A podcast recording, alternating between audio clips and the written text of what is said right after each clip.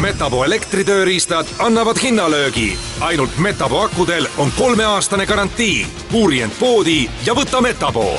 Metapo hinnalöök. kuku raadios välja öeldud seisukohad ei pea ühtima Kuku raadio seisukohtadega. Te kuulate Kuku raadiot. naised ei jäta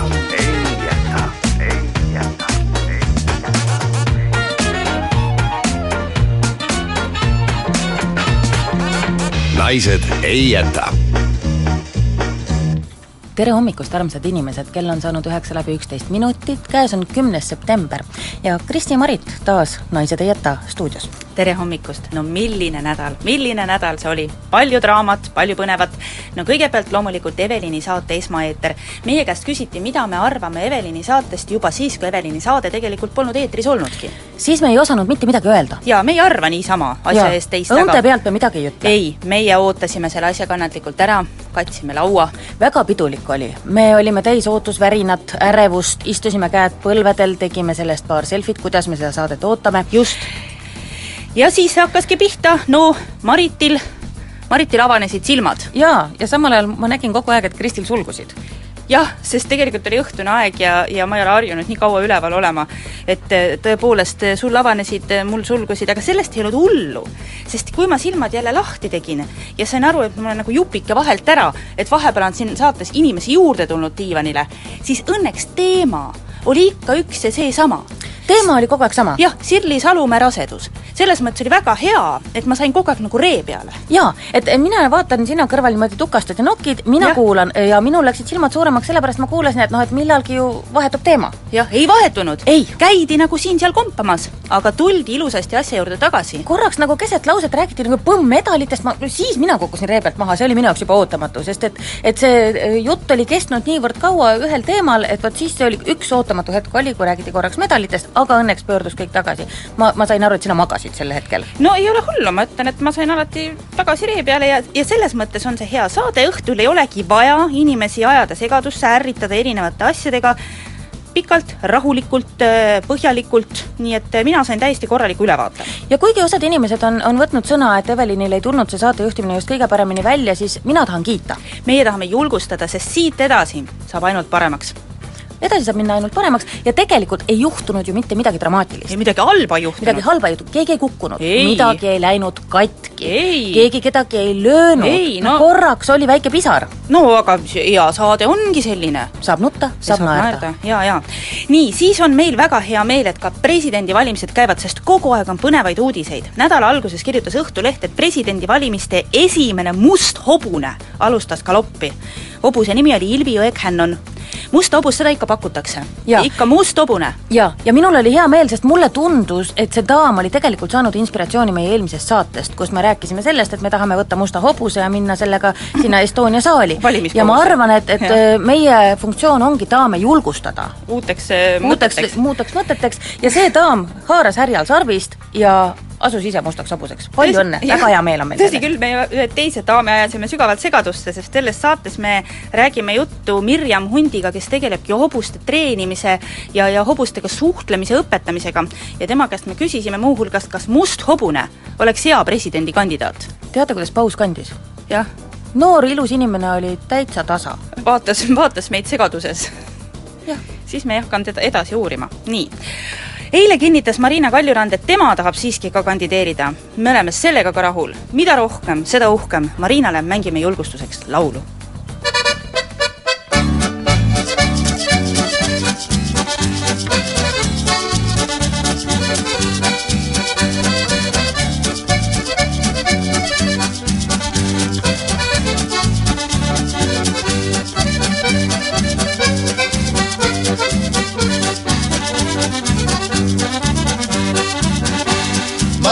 Marina, Marina, sa päikese endaga tood. Marina, Marina, Marina, kuid valgus ka varjusi loob. kui sind koju saadan, iga kord ma loodan, ainult sõnad sinult ootan, mis jäädavad seoks meid. aga näib, et sulle meeldib vaba olla, miks muidu vastad mulle, sa ikka ei, ei, ei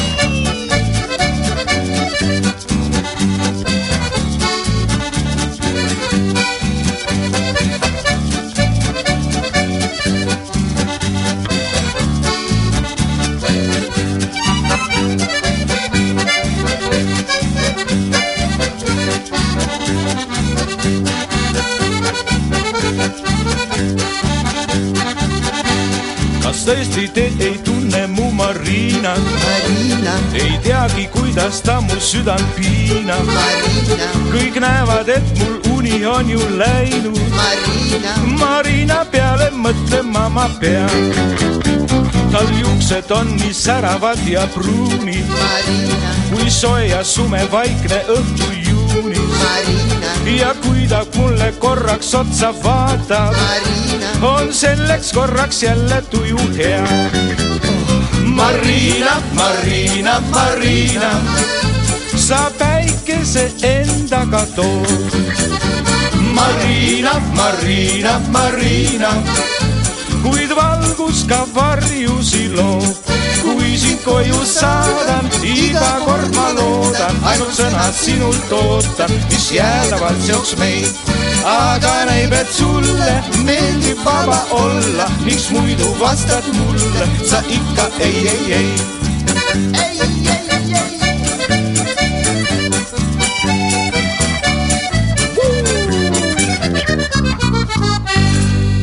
naised ei jäta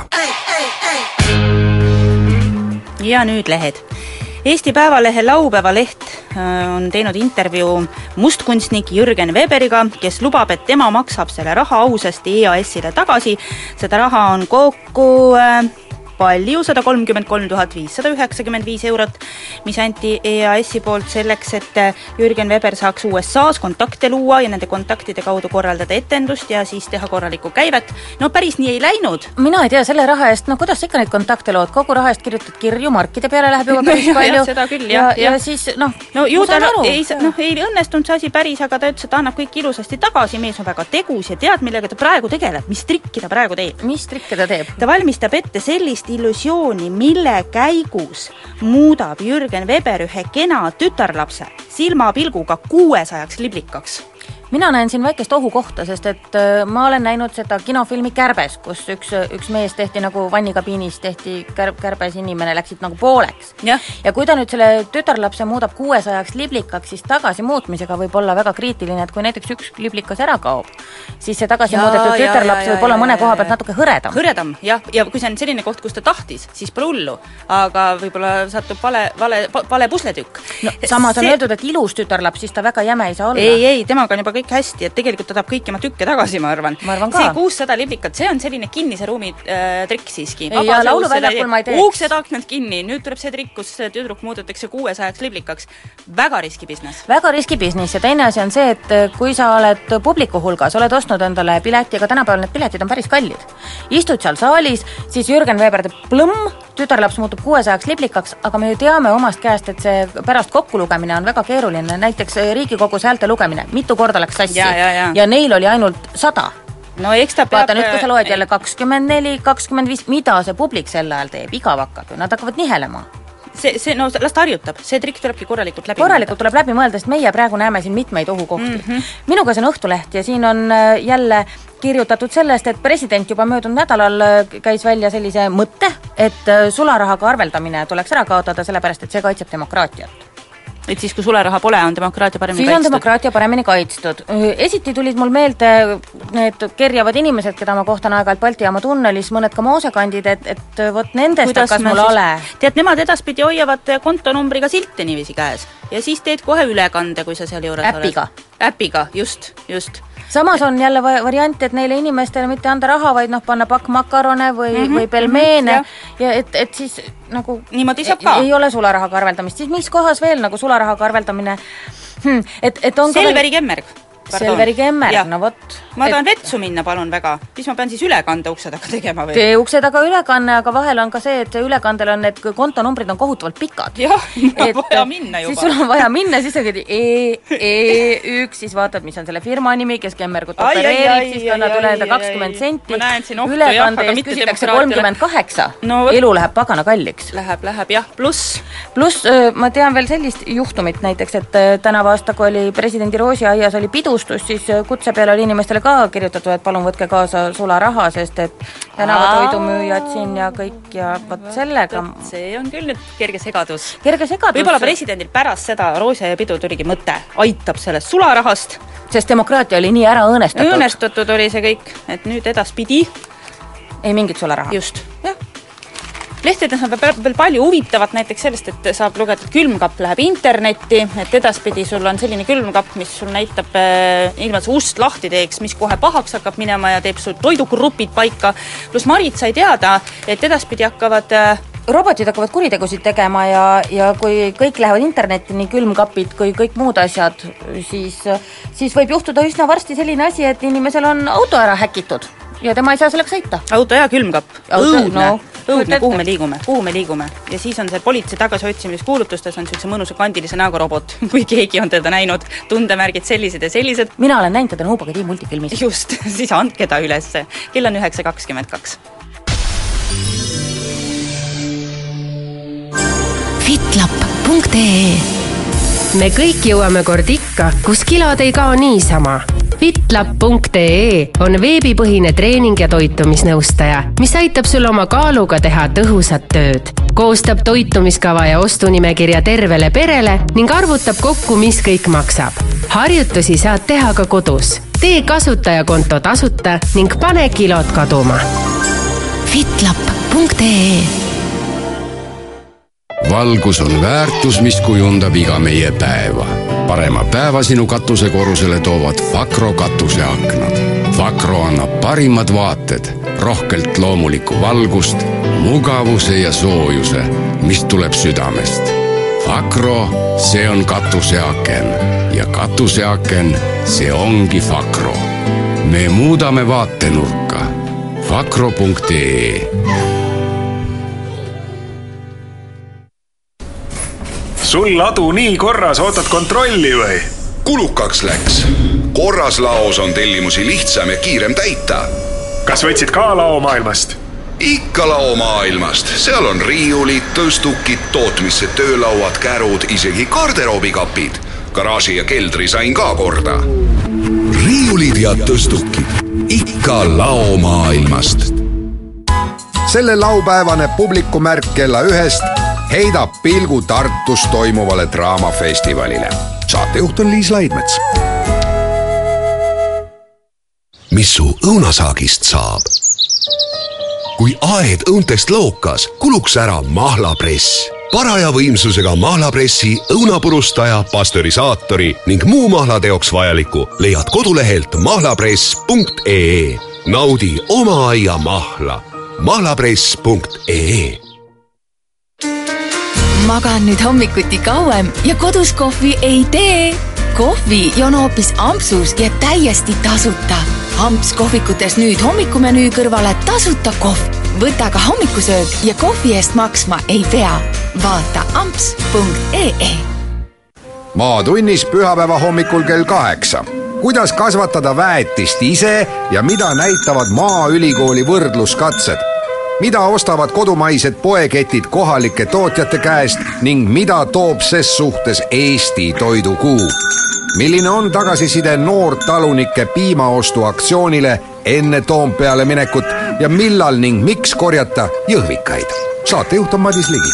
saate toob turuarendustoetuse abil teieni Põllumajandus-Kaubanduskoja tunnustatud maitse kvaliteedimärk. maatund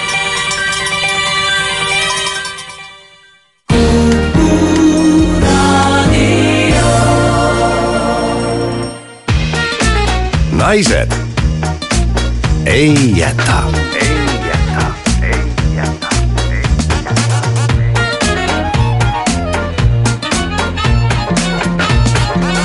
naised ei jäta. tänasel kaunil septembripäeval tulime Maritiga pealinnast välja, tulime Läänemaale Tuudi külla ja me oleme siin sellepärast, et Ameerika maalt saabus siia maatööseminari tegema Mirjam Hunt, kes nimetab ennast hobunaiseks. tere, Mirjam! tere! me püüdsime tükk aega mõelda, et kes sa siis oled, et sa ei ole päris hobuste treener, sa kindlasti ei ole ka hobuste arst, sa keeldusid omaks võtmast nime hobulausuja. sa ütlesid lõpuks, et noh, et öelge siis hobunaine. mis see on, mis sa teed? ma üritan hobuseid aidata.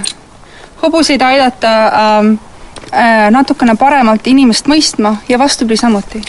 et äh, tihtipeale on inimeste ja hobuste vaheline arusaam on selle taga, et äh, ei saada aru, mis teg-, mis loomaga tegemist on ja kuidas loo-, on loomapärane käitumine.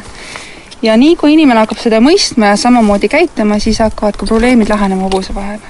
ja selle läbi hobune äh, saab ka parema diili aga kuidas sa oled hobustega nii hea kontakti saanud, kas see tähendab, et sa oled juba sündinud sadulas ja, ja kasvanud üles nagu Maugli koos hobustega ja sellepärast on selline mõistmine või, või, või kuidas te selle ühise keele olete nii hästi leidnud?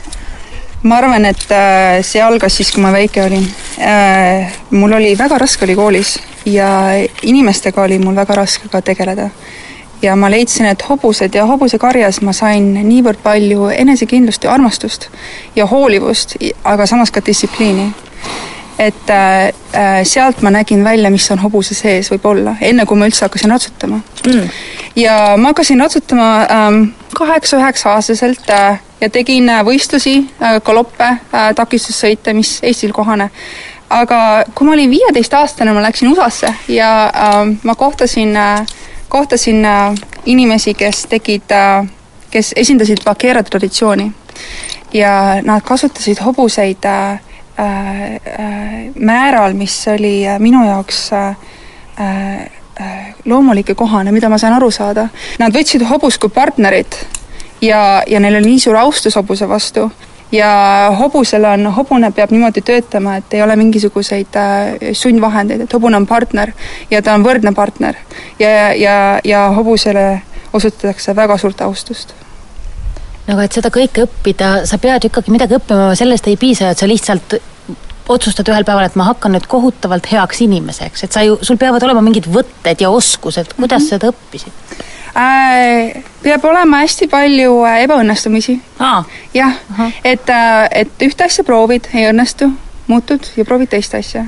ja tihtipeale on niimoodi, et on niisugused olukorrad äh,, äh, isegi inimestega on niisugused olukorrad, kus mõtlesid, et äh, oleksin võinud olla natukene soliidsem mm. -hmm. Ene-, enese jaoks ja jumala vahel ka, et, et on parem magada sedasi. et vahest on niimoodi, et saad asja tehtud küll, aga, aga kuidagi paha tunne jäi sisse, et tunned, et kuidagi inimlikkus sai nagu ohverdatud.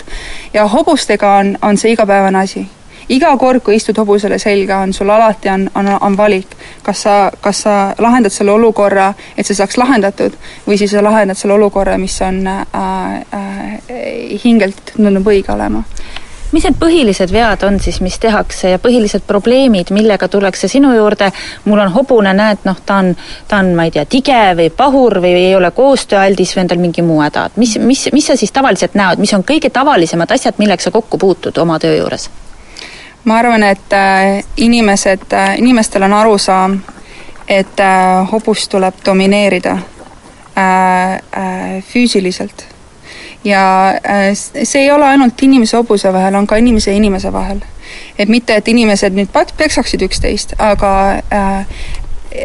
kahel inimesel on raske ennast kommunikeerida üksteisega vahest, et nad saaksid koos töötada ja oleksid võrdsed ja austaksid omas töös ja nad ei pea isegi parimad sõbrad olema. aga lihtsalt ühel inimesel on oma töö, teisel on teine ja, ja edasi viib elus. ja hobusega on sama asi, et, et inimesed tulevad oma hobustega, nad on üritanud domineerida ja arvanud, et neil on mingisugused õigused hobuse üle. aga äh, hobune ei hooli sellest et äh, hobune nõuab, nõuab sinult äh, äh, austust ja kui seda austust ei ole, siis hobused lähevad kiiva, nad äh, lihtsalt ei, ei, ei taha mitte midagi muud.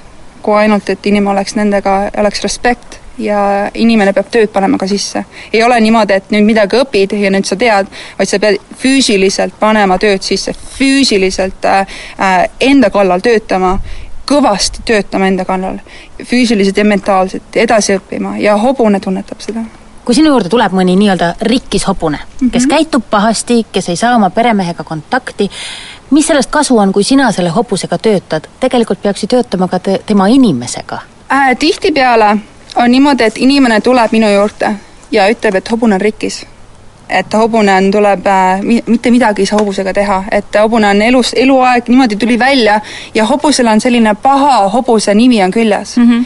ja kui nüüd mina võtan selle hobuse ja ma näitan, et see hobune saab opereerida täpselt nii, nagu minu hobused opereerivad mulle, ja nad annavad samasugust austust ja samamoodi manööverdavad ja need probleemid, mis neil olid enne, mis, mis olid eluprobleemid neile, terve elu päevast päeva, need on kadunud. Siis inimene näeb, see ei ole üldse hobuses. Et hobune muutub, hobune saab muutuda päevapealt sedasi. Oh.. ja siis inimene näeb, et oh-oh, et ei olegi hobune. ma arvan, et vahel võibki tekkida see, et sa saad hobusega hakkama, aga see inimene keeldub muutumast, inimesega ei saa hakkama.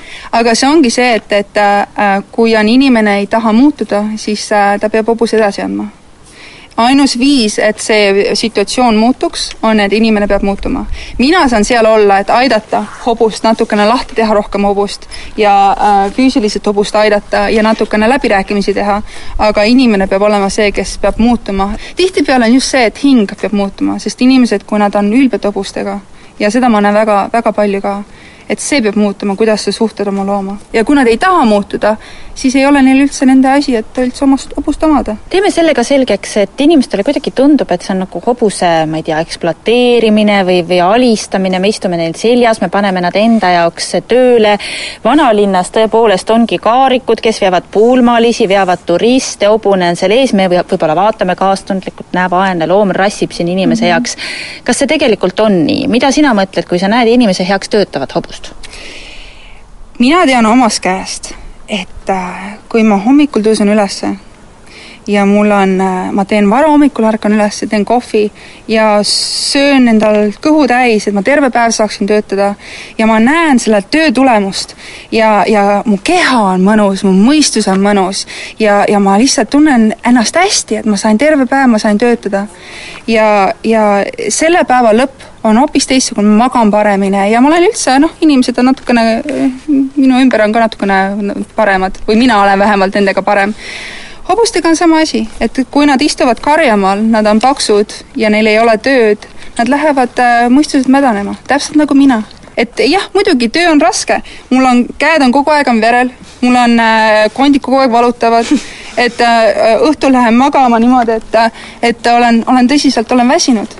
See on pff, minu piinamine ka, aga hing, hing on hea, hing on väga hea ja hobusega on sama lugu, on, äh, kui nad saavad selle töö, töö äh,, töötunde kätte, et äh, nad ei, nad ei taha põllus lihtsalt vooleleda aga kuidas sa teed hobusele selgeks, et turistide vedamine on tore töö, kuidas sa teed talle selgeks, et põllu kündmine on tore töö või tõkete hüppamine on tore töö mm? -hmm. See on see, kuidas sa hobust, hobusega suhtled. Et äh, äh, see on nüüd äh, informatsioon, kuidas hobune toimib aga hobusel on kõige, kõige, kõige suurem vajaminev jõud on rahu. kui sa nüüd oskad seda rahu anda hobusele, et kui sa küsid talt midagi ja selle lõpus on rahu, siis nad äh, lähevad läbi tule sinu, sinu pärast. et äh, sedasi saab hobusele äh,, hobusele nä-, selle atraktiivseks teha. mitte hirmuga, vaid sa pead neile rahu andma.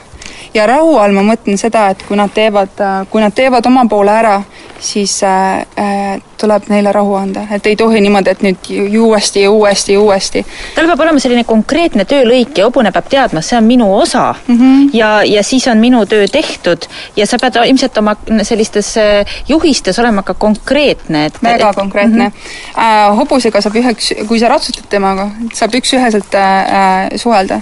et kus, kuhu sa selle ühe jala paned ja kuhu sinna ja sellepärast me harjutamegi niivõrd palju, et see kommunikatsioon oleks puhtam ja puhtam. nii et lõpuks on niimoodi, et kui sa hobuse selga istud, on niisugune kentoori tunne. et sa, sa suudad hobust ninast sabani absoluutselt kontrollida nagu oma jalgu. ja hobune tegelikult lülitab välja, ta kuulab sind nii täpselt ja, ja äh, ta lihtsalt, ta muutub sinu keha osaks. ja lõpuks inimesel areneb ka selline tunne, nagu oleks tal neli jalga, sest sa tead täpselt, mida teha, et seda jalga liigutada sinna nurka ja hobusele tohutult meeldib see. Et hobust saada sedasi toimima, peab olema tõeline äh, hingeline ja füüsiline kokkusulamine. sa räägid sellest nii ilusasti, ma peaaegu et hakkan seda kõik uskuma, kuigi ma ise ei ole üldse hobuse inimene.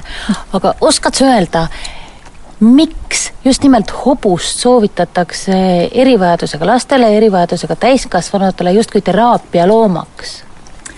sellepärast, et äh, hobune on äh, inimlikkuse kapsel.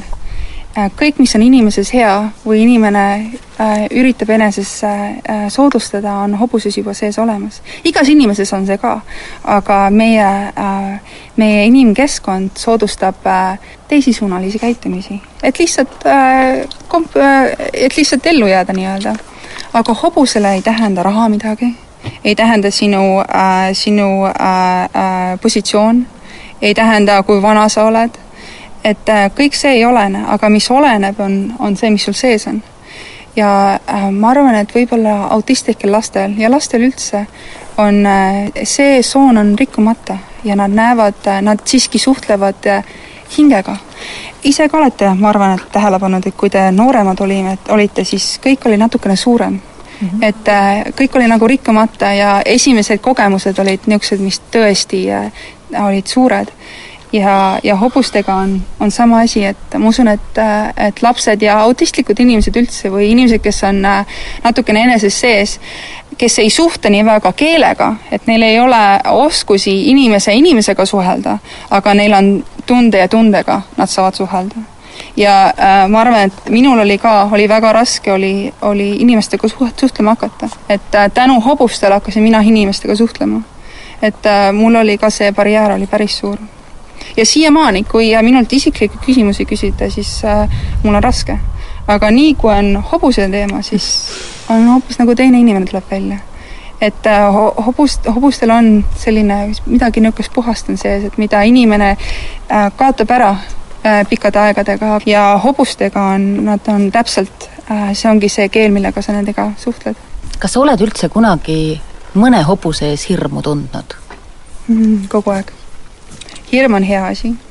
hirm on, hirm on see, et äh, äh, kui sa näed, et, et midagi hakkab valesti minema, siis mul on piisavalt palju kogemusi, et mitte sinna minna.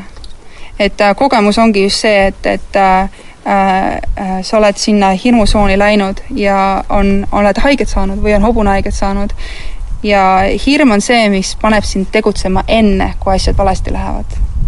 Ja kui hirmu ei ole, siis inimene läheb otsesuunas kohe äh, sinna probleemi sisse ja seal on ohtlik no aga samas sa ütlesid ka enne, et, et õpid ikkagi vigadest, oma eksimustest mm -hmm. ja see hirm ei tohiks ikkagi olla selline, et kui ükskord läheb valesti, sa oled ju hobuse sellest maha kukkunud mm, -hmm. aga see ei tähenda, et sa enam sadulasse ei roni? sadulasse ronin kohe, sellepärast et äh, äh, see käib tööga juures ka. et äh, vahest ikka juhtub õnnetusi ja, ja kui ei ole valmis hobuse seljast maha kukkuma, siis ei ole üldse mõtet sinna ronida ei, see ei ole naljaasi, see on meeste töö. Need inimesed, kes äh, äh hobuseid äh, alustavad ja need metsikute hobustega töötavad või on ära helistatud hobustega, see on meeste töö. ja, ja ähm, see on väga ohtlik et selles mõttes ei näegi väga, väga palju naisi selle, noh, sellega tegelemas. on ka olnud sul mõni hobune, kellega lõpuks sa siis vaatad, et eh, kas ta on juba nii katki või nii rikkis või on seal veel mingi asjaolu, mida noh, me ei tea, et sa lõpuks noh, mõtled, et ei, et temaga enam, teda enam korda ei saa? Need rikkis hobused on kõige paremad. ja need rikkis hobused on, on, nad on natukene isegi, ma ei ütleks targemad, aga neil on äh, nendega saab suhelda hoopis teise külje alt. et äh, ütleme niimoodi, et mul on üks hobune, kes on äh,, temaga üldse ei saagi ratsutada. kui äh,, kui ta, kui teda otse tööle ei pane ja ta ei näe seda funktsiooni, et mida me teeme, siis ta küsib, miks. aa, jätkus tark. jah, et mille, mille jaoks on meil vaja ilusaid ringe teha. et täiesti lollusi tegelikult.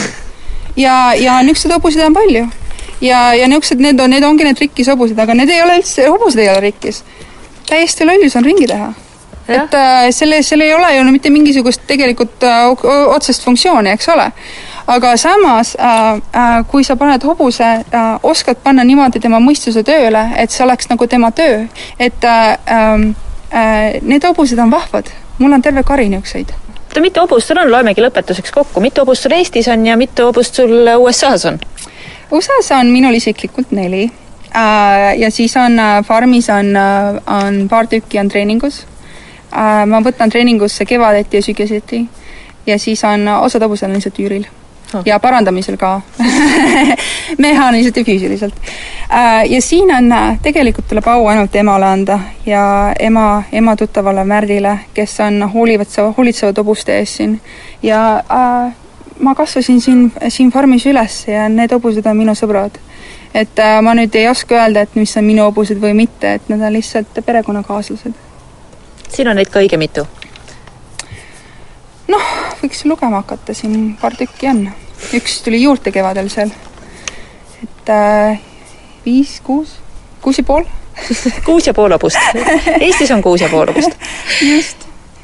aitäh, Mirjam Hunt ja jõudu, tugevust ja hingerahu. aitäh teile ka. You're dangerous. Cause you're honest. You're dangerous. You don't know what you want. Well, you left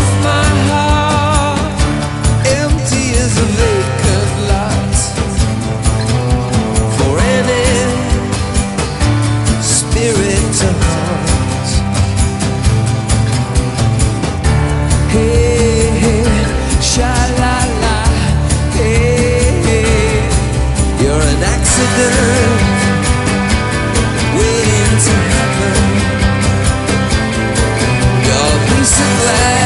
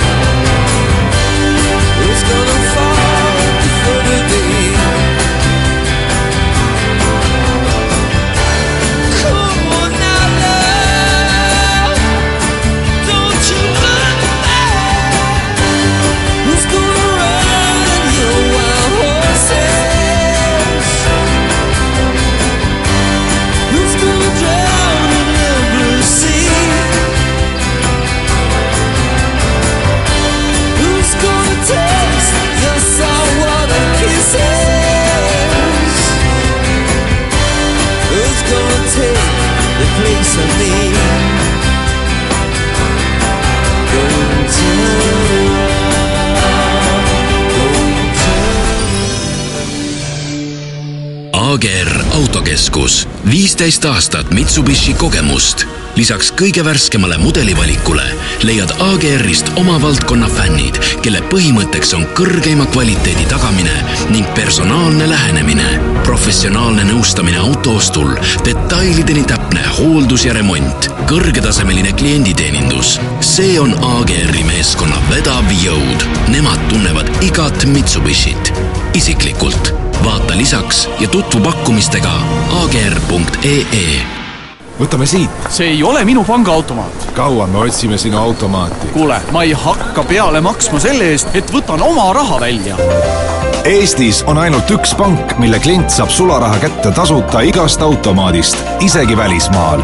liitu Krediidipanga arveldaja paketiga, saad suurepärase pangakaardi pluss pangateenused tegemist on finantsteenuse reklaamiga. enne iga lepingu sõlmimist tutvuge tingimustega www.krediidipank.ee. vajadusel konsulteerige asjatundjatega telefonil kuus kuus üheksa null üheksa null null. üksi või koos partneriga. Hotlips garanteerib õhtutäis kirge, sest Baltikumi suurima valikuga erootikapood täidab iga vallatu fantaasia. tutvu sooduspakkumistega meie esinduskaupluses või osta diskreetselt e-poes hotlips.ee kes annab raha tagasi igalt ostult? Velux. osta Velux katuseaken ja veeplekkide komplekt kuni kolmekümne esimese oktoobrini ja saa tagasi kuni nelikümmend eurot igalt katuseaknalt. tutvu reeglitega veebilehel www.velux.ee ja saa Veluxilt rohkem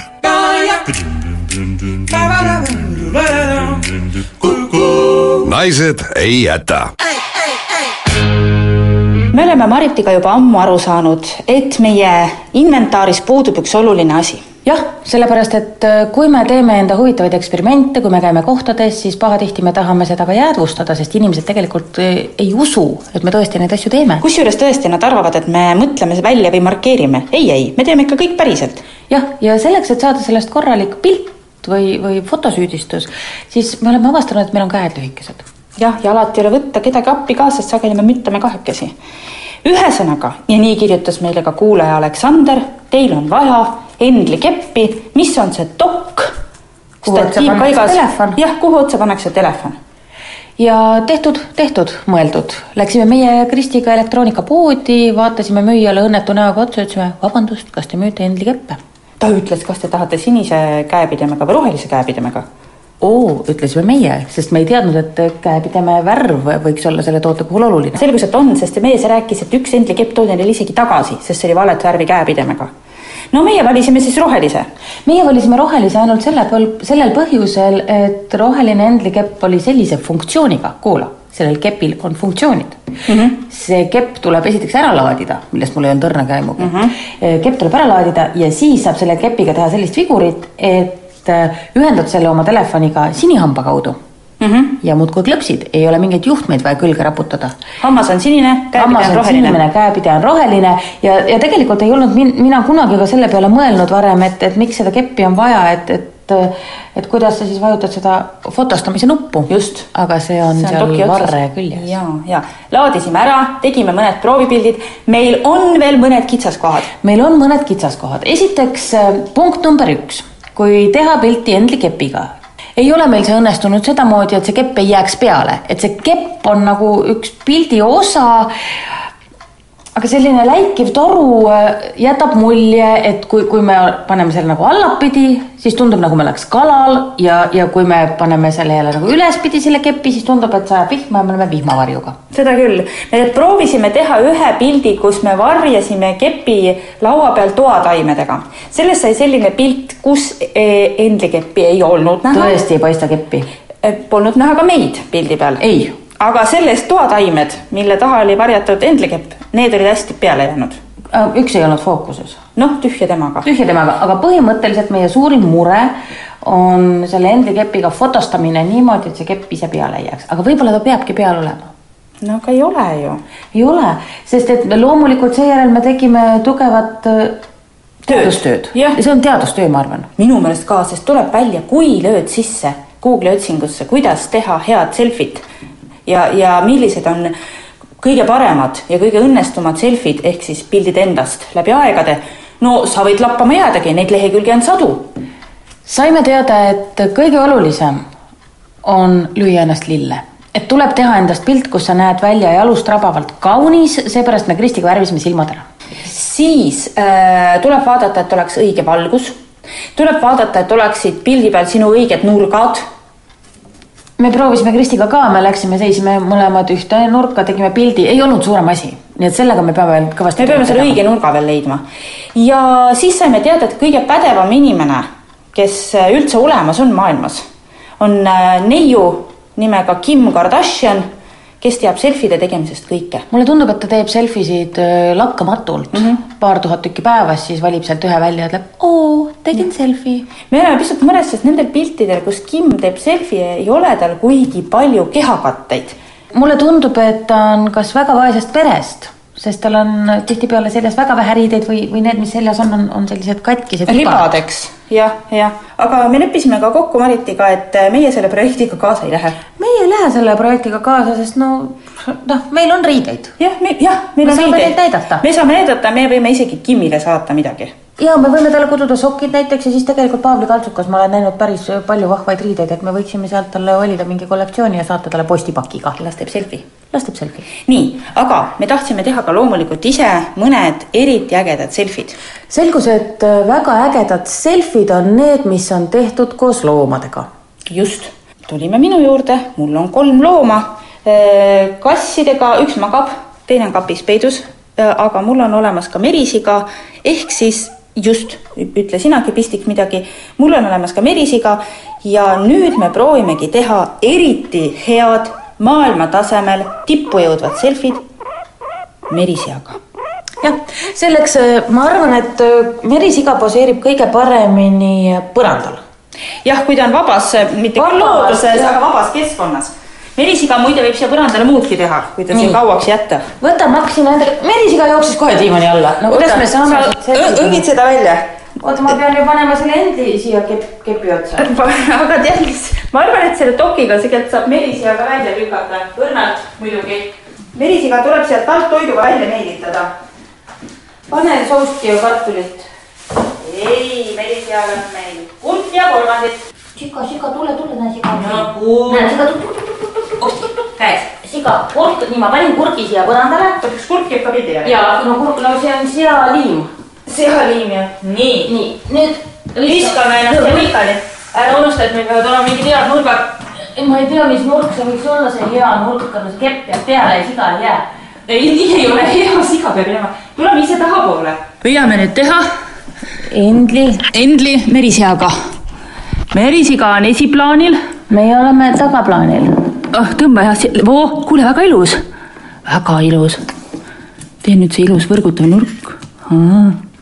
milline see võrgutav nurk on? ei tea. oh, no siga sööb väga isukalt. siga on isukas, mul on tunne, et ta on veidi ülevalgustatud. siga on ülevalgustatud mis nüüd sa, ahah, nii on parem jah. seal on varsti kurk otsas, ta läheb minema, ega meie modell on meil olemas ainult kurgi, kurgi jagu aega. väga keeruline on see töö, ma ütlen teile, armsad sõbrad. mis me nüüd teeme? ehitame sellini või? no siis on siga ka ja näed. ahah, oota, iga läks ära, kus ta läks siis nüüd? vaata, kas sa näed teda? ei näe. ei ole võimalik. kuule, kuidas, nüüd on meil selline pilt, kus me oleme pikali, ehk siis selili ja pea kohal on imeväike siga, kes sööb kurki. nii et noh, ma arvan, et see läheb küll tegelikult maailma parimate loomaselfide alla mm. -hmm. ja dokki tegelikult väga ei ole näha üldse praktiliselt näha jah. jah, noh jah. see on ka meie parim nurk. see on kindlasti parim nurk. tead, nüüd vaatame need pildid üle ja siis otsustame naised ei jäta. selgus, et elusloomadega on kohutavalt keeruline selfisid teha, sest et meie modell jooksis diivani alla. Ja liigutas kogu aeg. rabeles kogu aeg ja meie itsitasime, selfid tulid udused ja üldse ei sarnanenud nende looma selfidega, mida me enne internetis nägime. Need internetipildid nägid välja täpselt sellised, nagu need loomad oleks teadlikult poseerinud. seal oli mees, kelle kõrval oli naeratav kotkas. mul tekkis tegelikult väike kahtlus, et äkki see ei olegi elusloom, vaid äkki on tegemist kaavikuga. meie püsikuulajad teavad, et kaavik on topis. Õnneks olime meie Maritiga just hiljuti käinud ühes toredas jahindus- ja kalanduspoes, mille seinad olid täis erinevaid kaavikuid. meie marssisime sinna poodi sisse, ütlesime tere päevast, teil on imelised kaavikud, kas me tohiks nendest pilti teha? härra leti taga oli pisut üllatunud ja ütles murelikult, need on ju kõrgel aga meil oli ju Endlikepp kaasas. ütlesime, pole midagi, me proovime hakkama saada, meil on vaja lihtsalt kaavikute ette jääda seisma, tõsta Endlikepp koos telefoniga ülesse ja teha pilt meie ja erinevad loomad. valisime välja omad lemmikud. esimesena tegime me pilti sellisest kaavikust, mis oli natukene nagu kaks ühes. see oli üks ilves, kes parasjagu käpaga püüdis tetre? mingit lindu? mingi, mingi lind oli, aga ta oli nii kõrgel, et me ei näinud jah, no pilt sai selline jah, pildi peal olime meie ja siis tõesti natuke Ilvest ja Teder ka sellises siseruumis. siseruumis Ilves püüab tetrest, ei see oli hämmastav vaatepilt, et ma usun, et see läheb ikka maailma parimate selfide hulka kirja küll. Mariti lemmik oli kobras, kes lae alla oli tõmmatud lendavana. Maritile meeldis see kobras sellepärast, et ta olevat nii avala moega. see kobras oli avala moega, usu mind. mina nii, mina, mina ei näinud sealt alt, kui aval see mood oli, aga kui sa nii ütled. ma ütlen sulle ausalt, et kobras, kes lendab, on alati aval.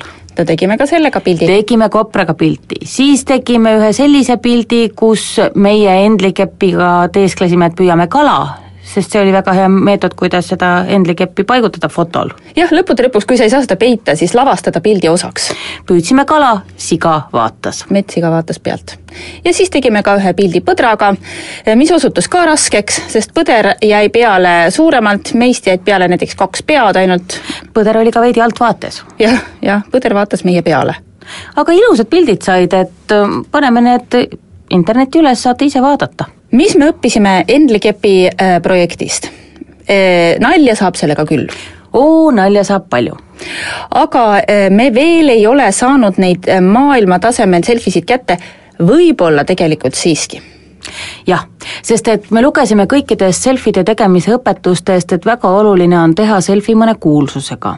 vaatasime Kristiga ringi, esialgu ei jäänud meil ühtegi kuulsust silma, kuid siis ühtäkki Ülemiste keskuses uskuge või mitte, tegime meie selfie Barack Obamaga.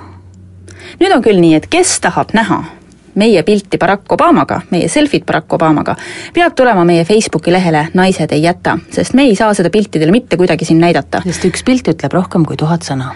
liituge meie lehega, kes veel ei ole seda teinud, minge vaadake, tehke endast ka lõbusaid pilte elusloomadega, surnud loomadega, kuulsustega, kellega aga soovite, peaasi, et on tore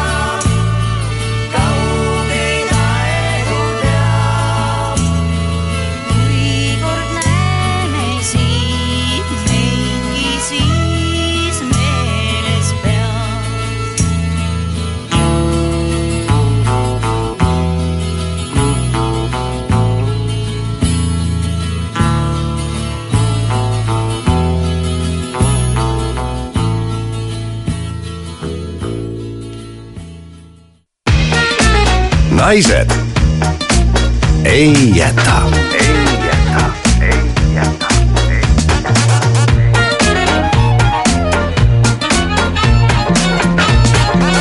naised ei jäta.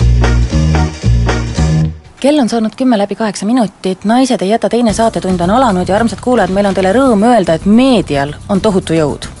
Tohutu jõud. tohutu jõud. sest alles äh, napilt tund aega tagasi rääkisime me sellest, et presidendil on idee demokraatia tugevdamiseks loobuda sularahast ja teate, üks taksojuht juba oli seda teinud. jah, me ootasime saatekülalist ja siis äh, selguski, et taksojuhil ei olnud raha tagasi anda, sest et ta oli demokraatia loobunud õõnestamiseks su- sularahast.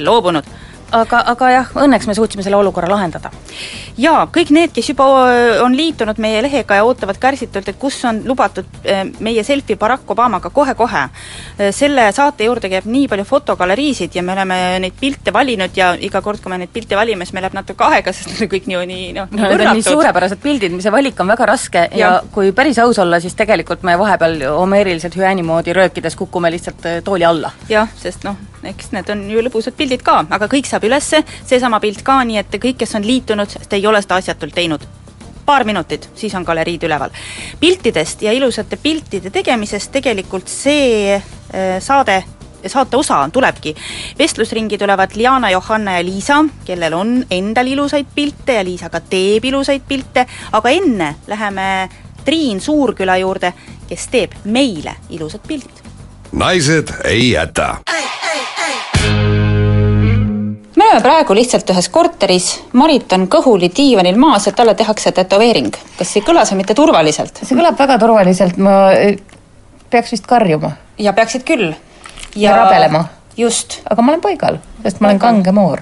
jah, sa ei karda midagi. Triin Suurküla on siin äh, valmis vahenditega juba, kohe tehakse esimene kehakontakt, ütle, kas on valus No. nii. pinge. no kuidas? ma ei tunne muhvigi. Mitte midagi mitte ei tunne? midagi ei tunne. selle nimi on vilumus. jah, nii hästi teeb, et sa ei tunne mitte midagi. no tegelikult peame vist nüüd siinkohal selle täpsustuse ära tegema, et me oleme jah, tätoveerimas, aga tegelikult äh, me laseme endale teha hennapildid, sest et alguses on hea harjutada mingisuguse pehmema kraamiga arvatavasti. Aga miks seda huvitav üldse siis tätoveeringuks kutsutakse, et kas see ei eelda siis äh, noh, ikkagi nõeltega torkimist? no selle nimi on ka hennamaaling tegelikult, mis on võib-olla natuke täpsem. mis ajast sa hennamaalinguga tegeled? kõva mitu kuud juba. nii ja ma äh, suvel äh, kohtasin ühte naisterahvast, kes tegi mulle ühe lille käe peale ja kuna mulle need hennad on alati meeldinud, ma lihtsalt ei ole taibanud lasta endale teha või ise sellega varem tegelema hakata. vot, ja nüüd tuli see taipamine peale ja hakkasin pihta. esimese pildi tegid endale või? jaa, tegin jah, tegin mm. jala peale niisugust äh, mäkerdamist, sest eks alguses on vaja selle tuubiga natukene harjutada ja et see kõik hakkaks voolama nii, nagu sa tahad. kuidas see hennamaalingu tegemine üldse käib, mina siiamaani arvasin, et seda tehakse pintsliga mm. -hmm, aga sinu käes on nagu selline pisikene piparkoogi glaru-, glasuurimise prits ja sellega sa siin midagi nikerdad. jah, on niisugune tuub, põhiline vist jah, millega tehakse, sest et on olemas ka sellised pudelid, nagu mul siin taga on teile näidata mm. -hmm. Teie peate uskuma seal raadios. ja, ja siin on üks väike pudelik, aga millele kuidas on võimalik panna siis Selge. erinevad otsikud. terav otsik ja siis et kui, kui ise teha näiteks seda hennapastat, siis äh, siis, äh, siis ongi valik, et kas sa paned selle sinna pudelisse või sa paned selle äh, koonuste sisse. no töövahenditest sul ainult see hennapulk ongi ja üldiselt siis, kui päris tätoveeringuid saab teha erinevaid värve, siis värviga vist henna puhul suhteliselt piiratud valik või? no puhta henna puhul kindlasti jaa. See on, on see musta henna jutt, mis on niisugune väga kõmu tekitanud, et ei ole olemas musta hennat, sest paljud inimesed ei tahakski endale seda hennat, mis näeks välja nagu tätoveering mm. -hmm. ja siis äh, on välja mõeldud äh, must henna, aga see on niisugune keemiline ähm, mass, mis põhimõtteliselt on tekitanud tohutuid äh, terviseprobleeme inimestele. Teisi nagu hennasid, mis oleks päris henna, ei ole olemas värvilisi, aga on olemas igasuguseid noh, mingisuguseid äh, versioone, mis annavad mõtteliselt sama nagu tulemuse. aga, aga nad ei ole siis nagu looduslikud enam. no mina mäletan ülikooli ajast suurepäraselt seda, kui me värvisime hennaga pead, see oli täiesti möödapääsmatu, kui sa õpid kunstivaldkonnas midagi, tuleb värvida hennaga pea punaseks ja ma mäletan seda, kui hästi see pläga määris. Kõiki riideid ja, ja nägu ja kõike muud, et et kuidas sa suudad nii täpselt teha seda hennamaalingut, nii et kogu, kogu maa ja ilm ei ole sellega koos ja tuleb mingi kujund? No see tuub on õnneks üsna täpne ise juba, nii et äh, kui mina suudan enam-vähem selle õigesse kohta panna, siis äh, sealt nagu midagi rohkem välja ei purska. vahel ikka tekib niisuguseid äh, töörõõme, kus, kus ähm, seda jah, möga rohkem igal pool, kus ta ei peaks olema.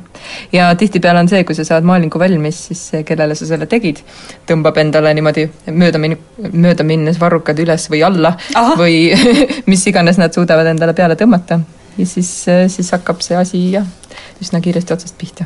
kui kaua see asi üldse niimoodi siis äh, puutumatult peab olema? no olenevalt sellest paksusest, kui palju ma seda paksust panen, aga noh, alates kahekümne minutist kuni pool tundi umbes on see aeg, kus ta peaks siis ähm, kuivama, et saada puutekuivaks.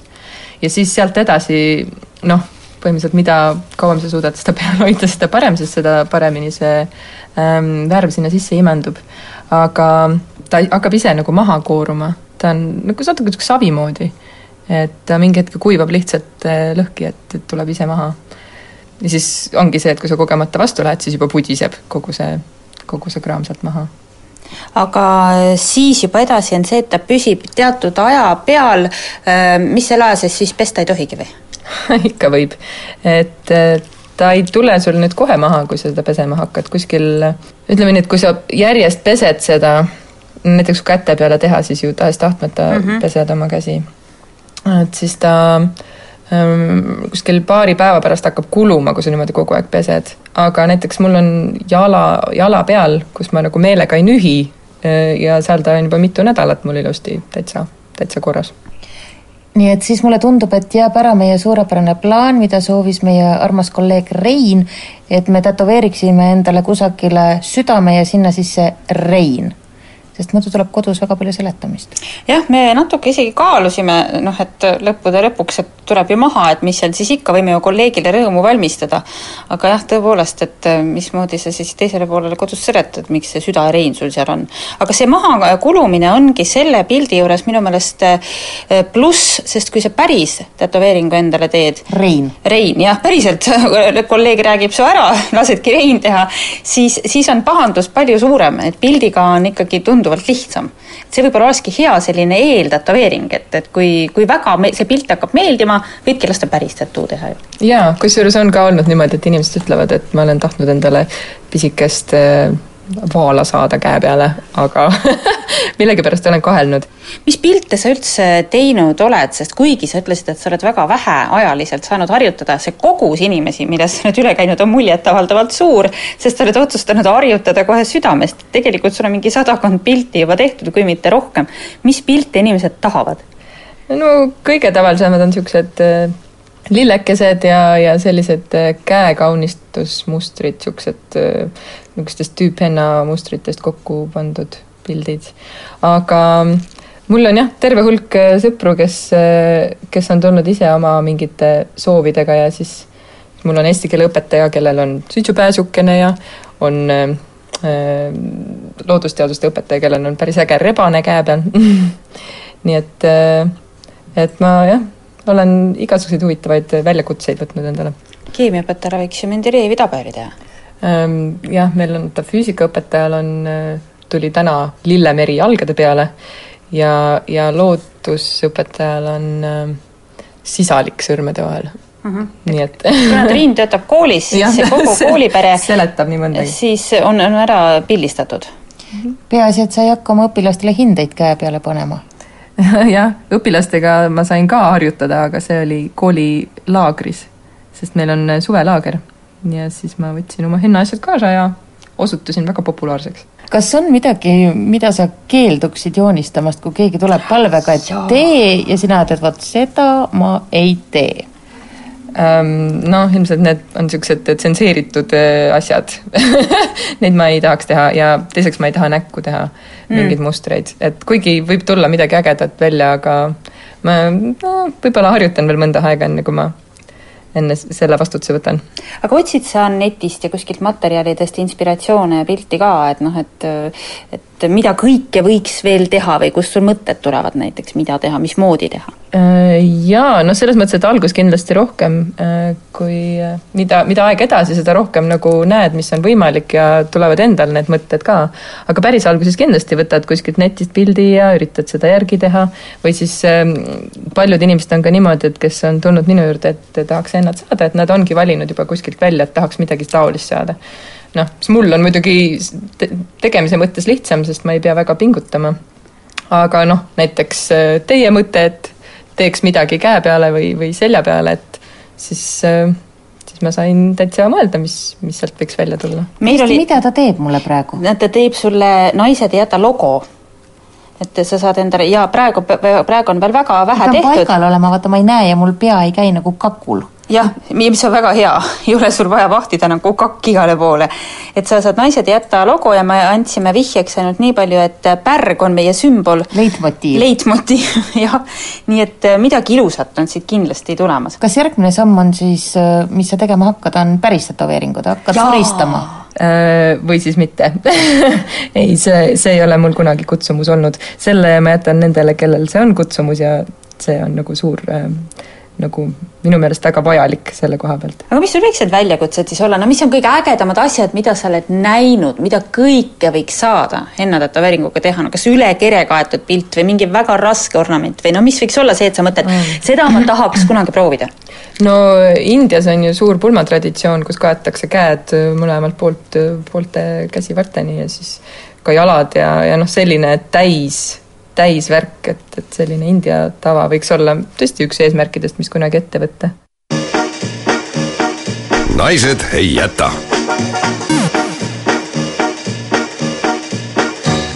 meie tattood on nüüd valmis. imeilus. tõesti ilus, sina enda oma näed, sul on käe peal, mina enda oma ei näe. kujuta ette. aga ma kujutan, ma vaatan sinu oma ja mul on see silme ees. ma olen väga rahul. ma olen ka rahul. väga ilus sai. väga kaunis. Ma ei tea, mis nüüd siis saab, kui see Maha paari tuleb. nädalaga ära kulub. me tuleme siis tagasi palun, palun, olete teretulnud.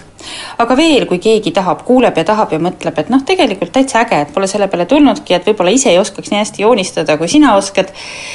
sinu tööd, et sa oled ju üles pildistanud kõik need kümned ja kümned tööd, neid on võimalik vaadata ja siis, kui huvi on, ühendust võtta. jaa, ma isegi tegin endale Facebooki lehekülje Triinu Henna, nii et äh, võite tulla vaatama ja miks mitte, kirjutage, vaatame, teeme hennat.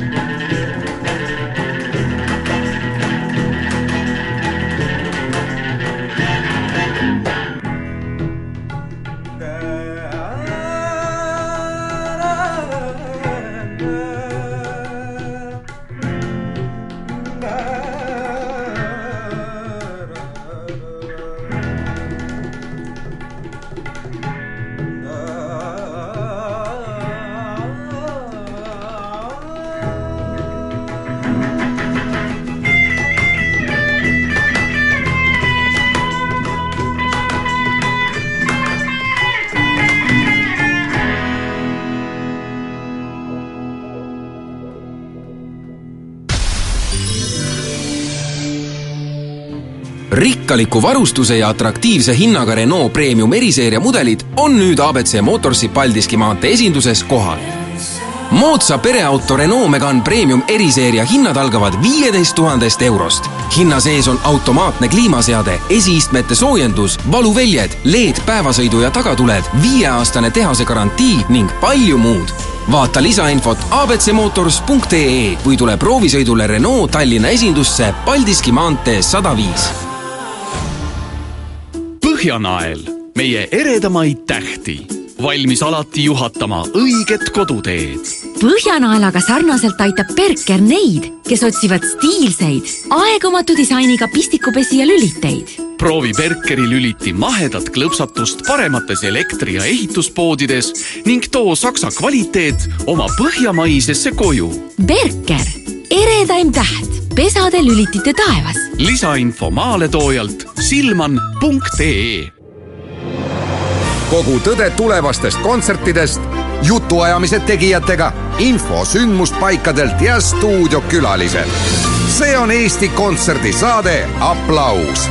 eetris Kuku raadios teisipäeval kell kuusteist nelikümmend viis. üksi või koos partneriga. Hotlips garanteerib õhtutäis kirge, sest Baltikumi suurima valikuga erootikapood täidab iga vallatu fantaasia. tutvu sooduspakkumistega meie esinduskaupluses või osta diskreetselt e-poes hotlips.ee Amsterdam? Ha, zeker de mooiste stad van Nederland. Met alle bezienswaardigheden en musea. En dan nachtleven. selleks, et Amsterdami võlu mõista, ei pea sa hollandi keelt oskama, vaid koha peale sõitma. Nordica pakub sel nädalal eriti soodsaid otselende Amsterdami ja teistesse võrratutesse Euroopa linnadesse. vaata lähemalt nordica.ee Eesti moodi Euroopasse. selle laupäevane publikumärk kella ühest heidab pilgu Tartus toimuvale draamafestivalile. saatejuht on Liis Laidmets.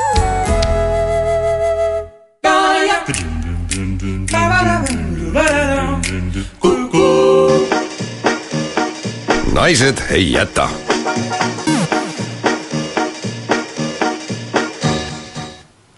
kell on kümme kakskümmend viis, eelmise teema jätkuks võime öelda, et meie hennatätoveeringud, noh, me sellest on juba poolteist nädalat ka, no need on ikka üsna õrnad juba. Nad on üsna õrnad ja mul on sellest kurb meel. natuke kahju on sest tegelikult mulle hakkas päris meeldima selline pildivariant. jaa, aga tark ei torma. uurime inimeste käest, kellel on päris tätoveeringud juba olemas, järele, kas nad on seda ka kahetsenud ja üldse uurime, kuidas need m- mõtted pähe tulevad, teeks pildi, kuidas teha, kus teha, Mida küsimusi teha?, küsimusi on palju. meil on äh, külas Liana, tere! tervist! Johanna tere! ja Liisa. tere! Kui te mõtlete tätoveeringu peale, kas teil on mingi esimene mälestus, et mi-, mi-, mida, mida te mäletate, et millal te te teada saite, et selline asi on üldse olemas? mina saan kohe öelda, et minul on äh, onu Urmas, kes naases kaheksakümnendate alguses Riiast sõjaväest ja tema õla peal oli sinine näkk. lapsena ma kogu aeg vaatasin, see väga huvitav tundus, et inimesel on sinine näkipilt õla peal. ja onu Urmasel läks hästi, sest tegelikult see pilt, noh, arvestades, kus see tehtud oli, et see oli tegelikult täitsa okei okay. mina olin samamoodi näinud äh, kaheksakümnendatel näiteks Kloogaranna rannas äh, mehi, kellel oli õla peal ankur Just, või siis ankur. oli mõnel mehel oli kirjutatud Siever. jah, küll sa mõtlesid. ma mõtlesin väga palju ja, ja ma, ma tegelikult lõpuni ikkagi ei saanud aru, millega on tegu. nii, aga teie kogemused? Äh, mina tegin oma esimese tattoo väikese traibeli ümber käe siis, kui ma olin äh, no natukene kaalus alla võtnud, kolmkümmend kilo. sest ma olin tattoosid juba varem vaadanud ja tahtsin endale, aga see oli nagu üks motivatsioon, et äh, teed selle siis, kui võtad kaalus maha. ja ma mäletan, et ma läksin ja ütlesin veel tätoveerijale, et ega ma rohkem ei tee. et ma teen ühe. ja tema muigas selle peale ja ütles, et nii nad räägivad kõik ja kui ma olin selle ära teinud, siis ma juba kuskil aasta hiljem sain aru, et kurja ikka väga väikse asja valisin. aga kust sul see mõte üldse tuli? Ma leidsin kuskilt väljamaa ajakirjadest juba lapsena, ma nägin Ahah. mõnda pilti ja mõtlesin, kui ilus see on ja siis tundus selline võimalus, et eh, meie maal ka midagi sellist eh, tehakse, täitsa nagu utoopiline. ja eks ta niimoodi kuidagi jäigi mul pähe pendeldama, et kunagi, kunagi ehk et äh, minu jaoks tolle aja kohta oli see selline täitsa mm, äh, erakordne ja neid pilte ei olnud palju ja ja, ja et mitte, et ma oleks tahtnud nagu massist äh, eristuda, aga ma tegin selle iseenda jaoks, sest mulle üldse niisugused hullud asjad meeldivad, mida mida teistel ei ole või mida ei peeta nagu normiks mm. -hmm. nojah, Hanna, sul oli ilmselt juba selles mõttes lihtsam, et kuna sa oled kõvasti noorem inimene, siis valikut, mida teha, ilmselt oli mm, hästi palju, miks sa üldse tegid esimese? No mina alustasin võib-olla siis kohe, kui ma täisealiseks sain, et ma arvan, ma olin vist üheksateist saanud värskelt, kui ma lasin oma esimese tätoveeringu teha, aga jah, et praegu on neid võimalusi ja neid tegijaid on nii palju rohkem, et, et juba selle peale läheb hästi palju aega, et sa teed seda nagu eeltööd ja uurid välja, et milline kunstnik võiks sulle sobida ja milliseid asju ta teeb ja võtad temaga ühendust, et üldse seda kavandit teha kõigepealt, et kõik see võtab nagu mõistlikul inimesel võtab omajagu aega, et kui sa teed natukene, süvened enne, kui sa tegema hakkad. Liisa, sinul on ka üks pisikene tätoveering, aga miks üks?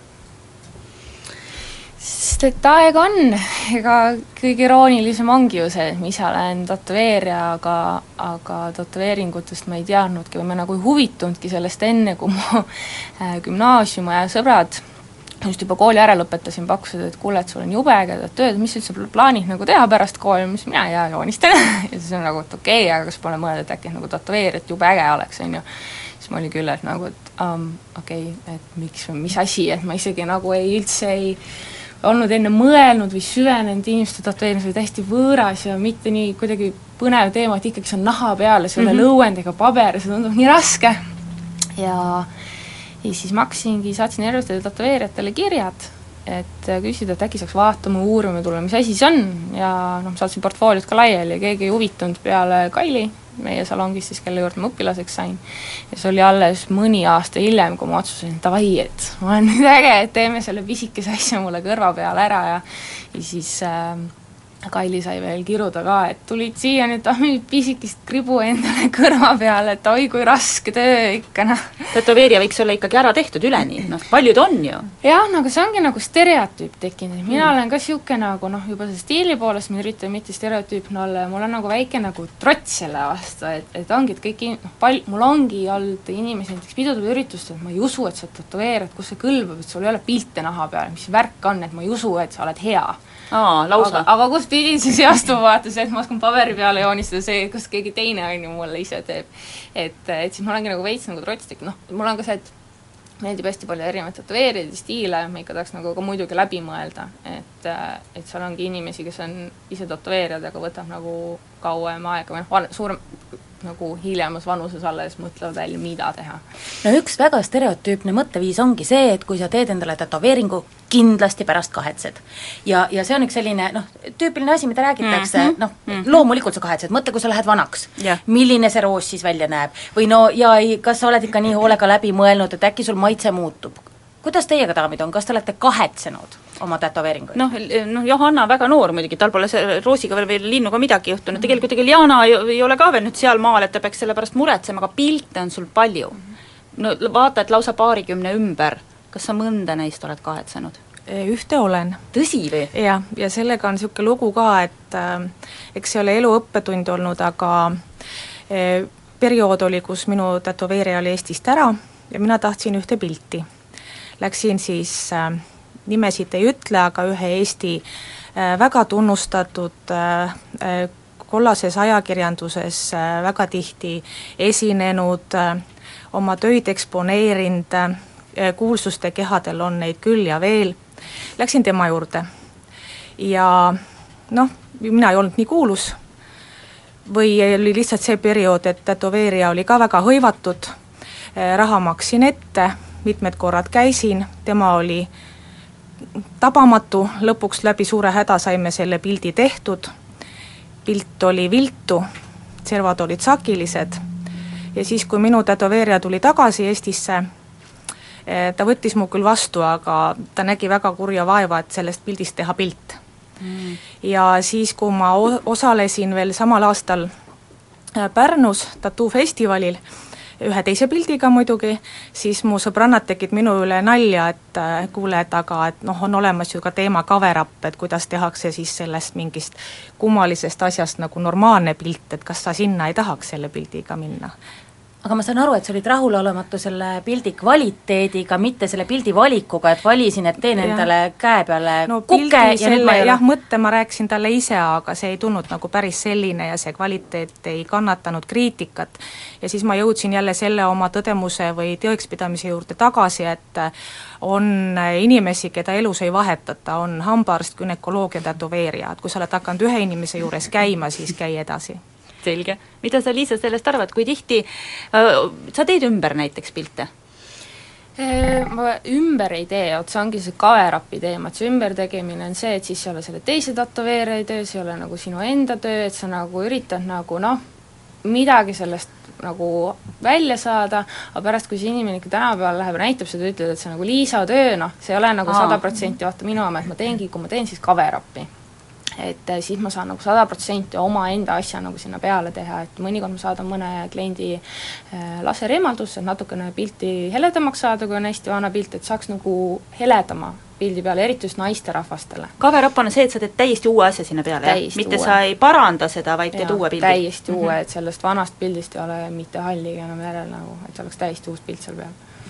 Johanna, ma tean, et sinul on äh, erinevate autorite tätoveeringud, samas Leana ütles, et ei tohi vahetada günekoloogi, juuksurit ja Hambaarsti. Juuksurit võib vist. juuksurit vist võib, ja tätoveerijat, et ku- kuidas sul on niimoodi välja kukkunud, et sul on eri, erinevad autorid oled sa endale ligi lasknud? no selles mõttes, et kõik need äh, asjad, mis ma olen lasknud endale teha, on ikkagi nagu eraldiseisvad tööd ja ja nendele nendele tätoveerijatele endale on see pakkunud ka nagu pinget, et kuidas kombineerida siis äh,, mul on kõik ühe käe peal, et kuidas kombineerida oma töid nii, et need äh, sobiks kokku ja ei oleks päris nagu kardinaalselt erinevad, et, et see mõjuks ikkagi äh, ühtsena, aga samas nad on kõik erinevate kunstnike ja autorite tööd. No ma tean, et veel paarkümmend aastat tagasi vaadati tattoo'de peale küll väga viltu ja, ja seda seostati justkui vangis olemisega või, või noh, siis vähemalt, et on meremees või suurest igavusest selle tätoveeringu teinud, et äh, kas teie olete kohanud sellist suhtumist või on, on teie peale viltu vaadatud just nimelt sellepärast, et te olete enda peale ilusaid pilte lasknud ja teha? ise veel naised? ise veel naised, issand jumal. no mina näiteks olen töötanud äh, mõned aastad klienditeenindajana ja äh, restoranis siis või toitlustuses üleüldse, et äh, on nagu ette tulnud küll seda, et klient arvab, et äh, temal võiks nüüd olla midagi öelda selle kohta, et milline mina välja näen või või mis mulle tätoveeritud on ja ikka mainida seda, et kas ma ikka tean, et kui ma olen vanem, siis see kõik on väga kole ja ma kindlasti kahetsen aa, ongi nii, jaa, ja et äh, ja noh, need lahkarvamused on läinud nagu üsna tuliseks äh, või minu ja siis võõra inimese vahel, kellele, keda mina siis teenindan. Liana? No viimasel ajal on seda nagu harvem tulnud ette, et pigem kuskil reisid ja on mingid pildid näha, et tullakse ja öeldakse, et oi kui ilus ja väga värviline, sest noh, mul on nad kõik värvilised, aga aastaid tagasi või kümneid aastaid tagasi ikka oli küll, kus äh, äh, tööalaselt äh, ma üldiselt ei loe kommentaare enda kohta kuskilt, aga korra lu-, sattus pilt peale, kus äh, üks äh, inimene kirjutas, et ma käiksin küll tema juures ja ta on väga motiveeriv ja tore, aga noh, need pildid, et äh, sellepärast me ma võime siin öelda, et sa olid jah. kaalujälgede rühma juht, väga nõutud, väga populaarne, sinu rühmas armastati väga käia Jah, ja, ja, ja see inimene et oleks tahtnud sinu rühmas käia? jaa, ta oleks tahtnud, ta oleks tahtnud maha võtta ja ta kirjutaski, et minu pärast siis, ehk siis minu piltide pärast jääb tal see kaalu langetamise tee pooleli. vot see on minu jaoks esmakordne kogemus, et kuulda, et tätoveeringud võivad takistada kaalu langetust. ja mitte sellel inimesel, vaid teisel inimesel. jah, jah. ja ma saan veel aru, et kui sa oled väga turske tüdruk, sa teed endale ilusa suure tattoo ja sellepärast ei taha kaalu väga palju alla võtta, et noh siis Ta läheb ju väikseks. et läheb tattoo väikseks ja see veel, aga et kui teise inimese tätoveeringud segavad kaalu langetamist hmm., Liisa, kas sina oled ka kuulnud selliseid lugusid äh, kliendid äkki on rääkinud jah sest et ma ei usu, et sinu imekriba pisitillukene tätoveering on nüüd kedagi heidutanud sinu juurde tulemast. no temal oli just vastupidi, et mis tätoveerija sa oled, kui sul endal pilte pole, aga oled sa kuulnud vastupidiseid lugusid ka? ei no ma olen üldse ka seda kuulnud, et see, et mina tätoveerin, et kuhu see kõlbab Et Noor ilus neiu, mis te jamate? ilus eh, noor neiu, et mine ikka ülikooli ja mine päris tööle ja, ja ikkagi, et eh, see ei kõlba kuskile, et miks sa sodid inimesi ja et see, see ei lähe jah, aga ei, mul on väga paljud eh, kliendid on naiskliendid ja ikka olen palju ka seda kuulnud, et äh, just nende, kas enda sugulaste poolt, et issand jumal, sa lähed tätoveerima, sa rikud ära, sa lähed sodima, mul tuleb tihtipeale nagu tahtmine võtta see telefon kätte, helistada, et kuule, mine sa solvad mind ma ei sodi, ma ei kratsi ma ei tea, mida ma seal teen. aga noh, ikkagi kui inimesed nagu näevad neid äh, uusi nagu pilte, et nad teevad lihtsalt, neil ei ole nagu teadmisi, millised need tänapäeva tätoveeringud võivad välja näha. et kui teha need ilusad värvilised põnevad nagu pildid ära, siis tihtipeale on nagu oo, päris äge et ei olegi nii hull ja täitsa sobib nagu no aga kuidas siis selle vanusega on, no sul on vanemaid inimesi ka käinud ja oled sa näinud, milline näeb tätoveering välja, no muidugi ausalt öeldes leppigem selles ka kokku, vanem inimene läheb krimpsu, on seal tatoo või seal ei ole seda pilti, et eks see nahk ei näe ilus välja, noh, paraku enam nagunii. Äh, minu lemmik on just see, et mida vanem on inimene, seda paremaks läheb nende nahk. Ehk siis jaa, sellepärast et kui inimese nahk läheb kuivemaks, see muutub palju vastuvõtlikumaks värvi koha pealt. ja sinna on jube hea teha, nii et inimesed, kes on üle neljakümne, üle viiekümne, need on super ja mul on ka kuuekümneseid kliente käinud ja lihtsalt ideaalne on teha nagu paberi peale. Kristi, siit meile väike mõte, sest meil kummalgi ei ole ühtegi tätoveeringut, ei ole. siis viiekümnendaks sünnipäevaks. jah, just, kui me oleme midagi. küpsed välja kujunenud isiksused, mida me hetkel veel ei ole, aga siis, kui on viiskümmend kukub, siis me juba teame. jaa, sest mina tunnen, et ma olen veel täiesti välja kujunemata isiksus, mul on heitlik meel, täna ütlen traktor, homme ütlen Gerbera, ma ei suuda kuidagi otsustada, nii Mis? palju on neid toredaid asju, mida võiks lasta endale tätoveerida. aga tahan küsida seda asja ka, no olgem ausad, tätoveerimine ei ole ju nagu selline jalutuskäik mererannal, et see on ju valus. Vähemalt need filmid, mida ma olen näinud, kus tehakse inimestele tätoveeringuid, nad kõik teevad häält, Jah. oigavad ja, ja ra-, rabelevad, et ei, nad ei rabele, ma loodan. no, no ikka mõned ikka rabelevad ka, et kui, kui valus see siis on? on valus või? No eks see oleneb ka sellest, et kui suur on see asi, mida sa lased endale teha ja kui kiiresti see sulle tehakse, et äh, mina, minu üks teine tätoveerija juures käik kestis vist kaksteist tundi. kaksteist tundi? ja siis me tegime Marits, ma ei ole kindel selles projektis. ja sedasama tööd me tegime veel kaksteist tundi edasi siis järgmise sessiooniga, et kokku siis äh, kakskümmend neli tundi. Ja ütleme nii, et ma arvan, peale kuuendat tundi on juba selline tunne, et palun saagige see käsi maha, et ma ei suuda siin enam olla. et, et noh, peale seda on iga puudutus on niisugune, et Jana, sul on kohutavalt ju valus. kakskümmend pilti peaaegu, mis, mis- noh, vot me peame nüüd natuke jälle rääkima, et inimesed on erinevad, et et kuulan seda juttu ja imestan, jaa, ta on valus. Aga ma ei tea, kas see on, millega nüüd see seotud on või mingi väike enesepiinamise viis, aga mingil momendil läheb see valu heaks. ehk mõtled, et täitsa huvitav on, et valutab ja joonistatakse ja ja kõik sellised asjad, muidugi minul kaasneb alati peale tätoveerimist see, et äh, kui ma juba koju lähen, siis ma värisen, siis mul tuleb palavik, siis ma olen paar Issand! päeva suures palavikus, aga pärast on jälle nii hea. kas see kõik on seda väärt? Kõik Ja need kannatused? muidugi on, muidugi on, ega muidu ei teeks ju. ilu nõuab ohvreid. sest minu vend rääkis, et temale tätoveeriti ühte pilti kaksteist tundi pluss kaksteist tundi, ma vaatan, ta on ise nii õbluke hiir, no kuhu selline pilt mahub, mida kakskümmend neli tundi maalida? Jah, et noh, selle juures ongi hästi oluline see, et sa valiksid siis endale tätoveerija, kellega sa tahad veeta need kaksteist tundi ja Jah, veel kaksteist tundi ja sa juba lähed pärast seda veel tema juurde tagasi, eks ole. Kaili, sina, Tui, Liisa, Liisa, sina kui tätoveerija, et, et kuidas sa ise said sellest esmasest hirmust üle, kas sinul ei olnud nagu paha tunne inimestele haiget teha? Ei.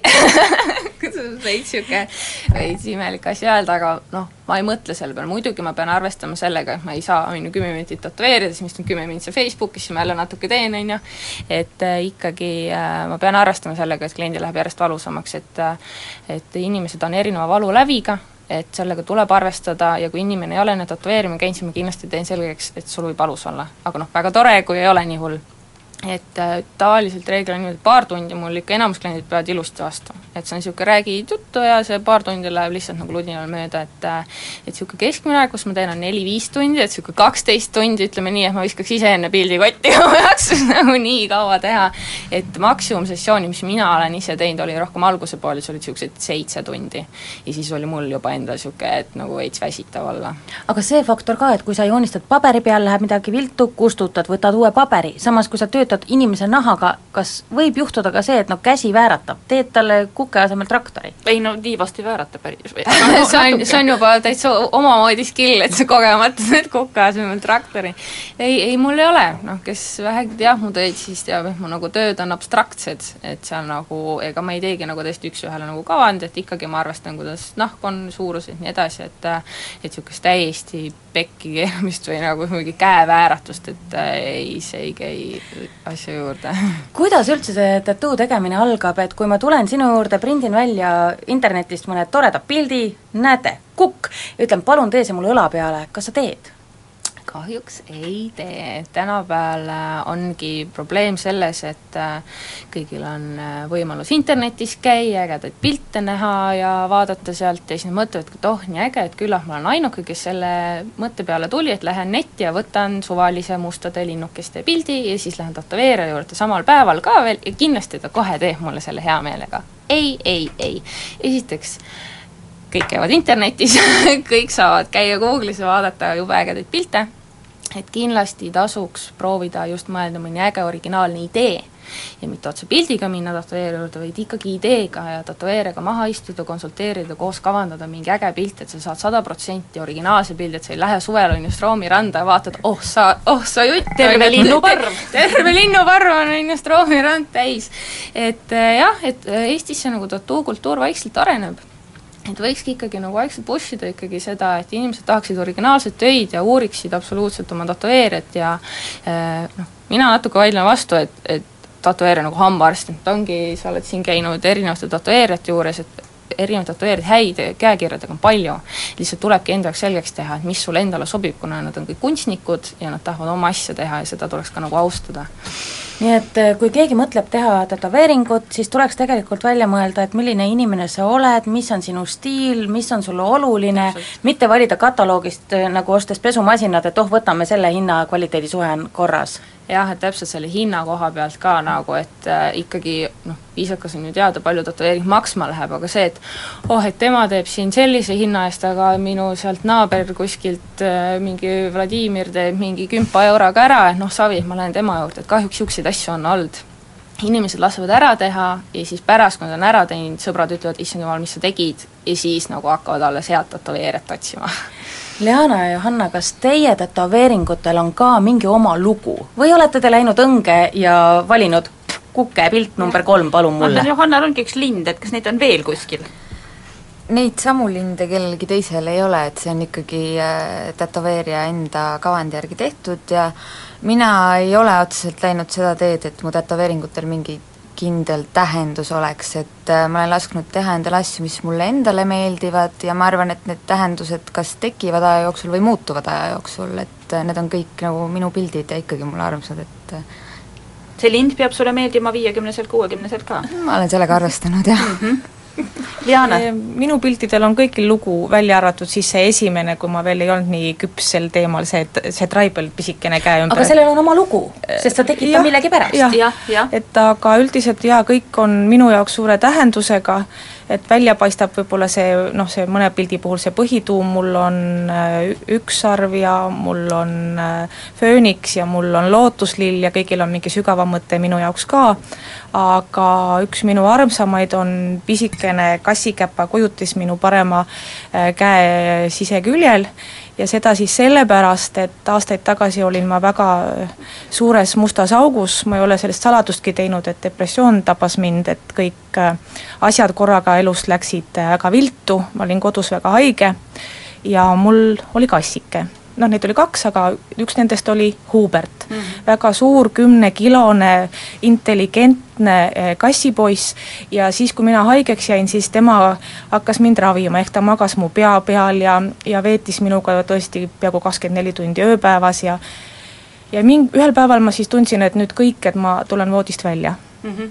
ja mõned päevad hiljem siis selgus, et eh, Hubert jäi haigeks, et tal oli vähk kuna mul oli temaga väga tugev eh, side selle, just selle kassiga, siis eh, ma lasin endale siis selle tattoo, tattoo teha sellepärast, et Hubertil oli samamoodi parema esikäpakese valge karvakese peal must kassikäpa kujutis mm. -hmm.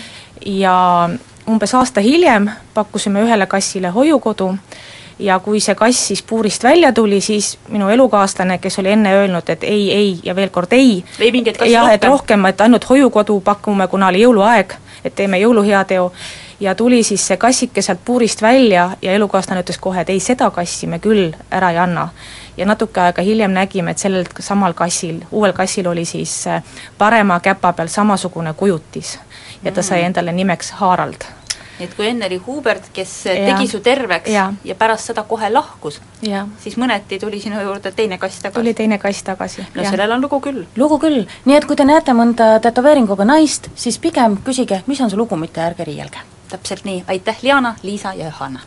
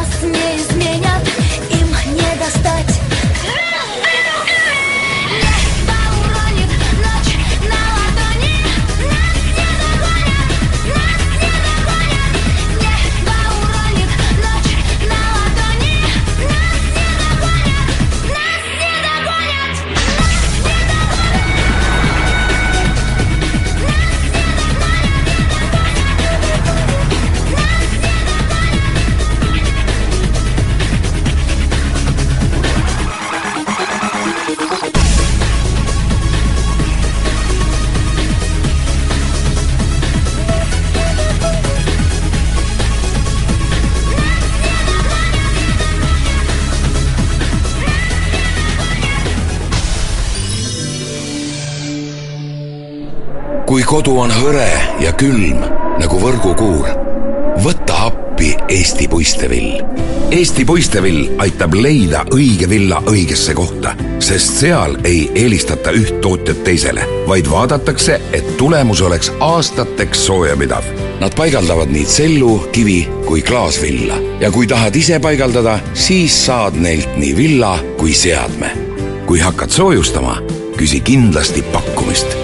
eestipuistevill.ee tere!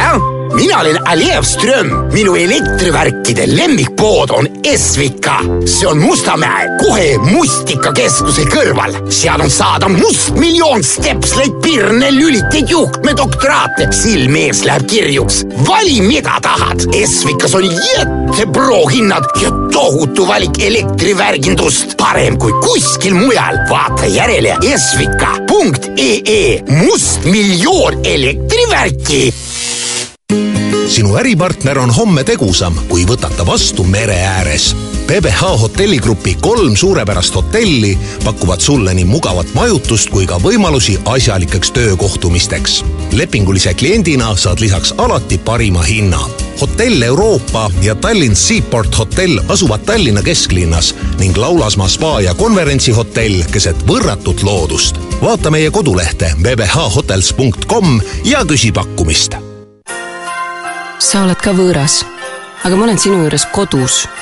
Iiri näitekirjaniku Conor McPhersoni imeline draama Öörändurid.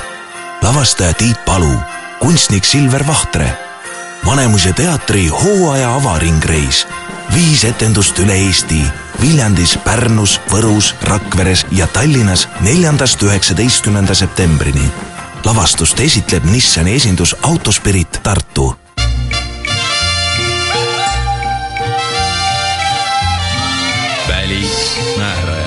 seekordne välismääraja on pühendatud viieteist aasta möödumisele üheteistkümnenda septembri rünnakutest, mis tabasid USA-d ja milles hukkus üle kolme tuhande inimese. mis selle ajaga on muutunud? sellest kõnelevad Maalehe ajakirjanik Argo Ideon ja julgeolekuanalüütik Kaarel Kaas. saatejuht on Erkki Bahovski. välismääraja pühapäeval kell üksteist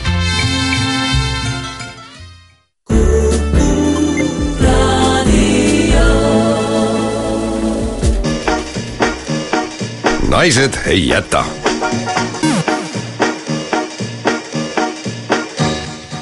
ohohohohohohohoo oh. minul on nii palju mõtteid No. milliseid tätoveeringuid kõik teha, ma mõtlesin, et lendav kobras. oh häda, oh häda, tead, kas sind isegi see ära ei hirmutanud, et kaksteist tundi võib väga valus olla? ei no sellest äh, jutust on juba neli minutit möödas ja, ja valu on ununenud. valu on ununenud ja, ja mõtlesin, et olen nüüd välja kujunenud isiksus ja lendav kobras oleks minu tee.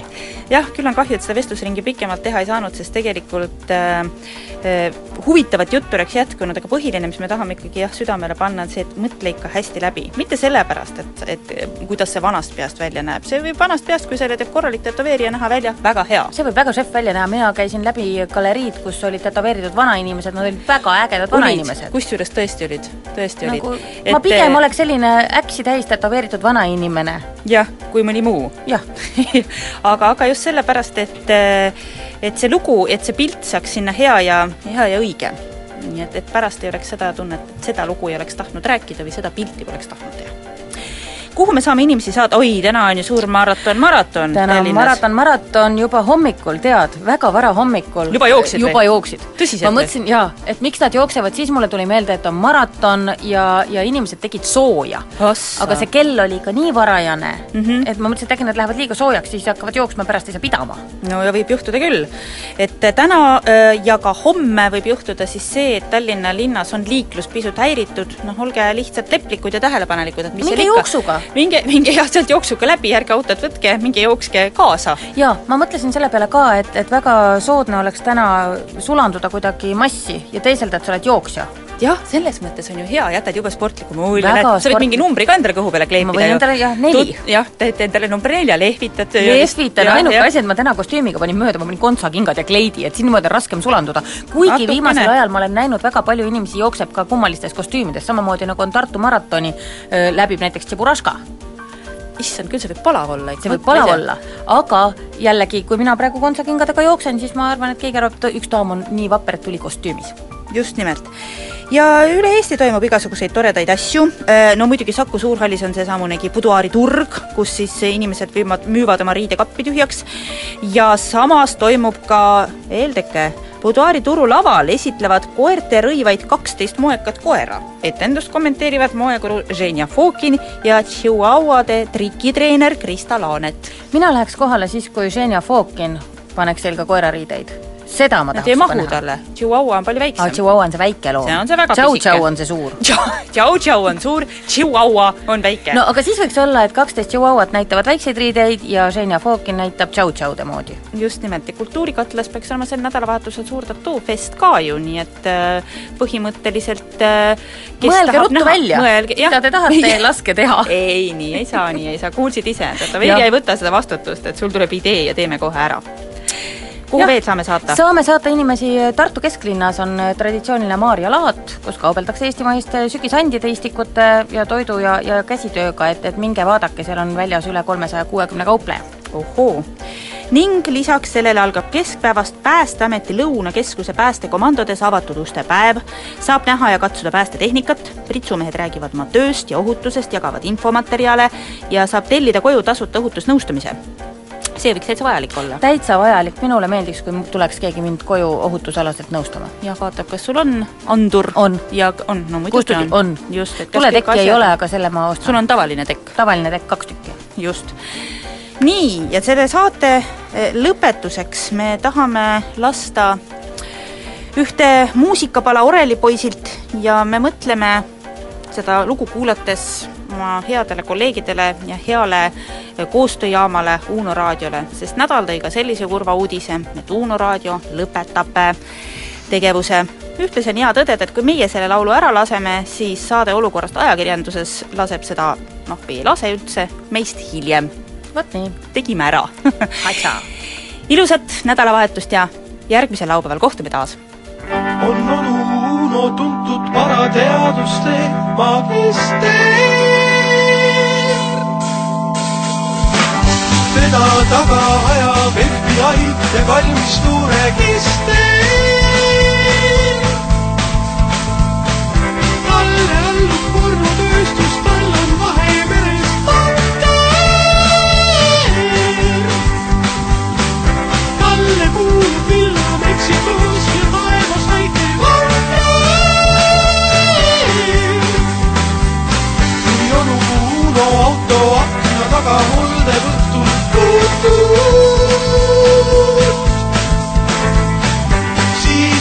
on kindel järgnev öö on tulvil vaimusid ja puudust. teeme teemalt nii astraalselt kui mentaalselt vahepeal. rants on käes, kui lõpetavad haisemised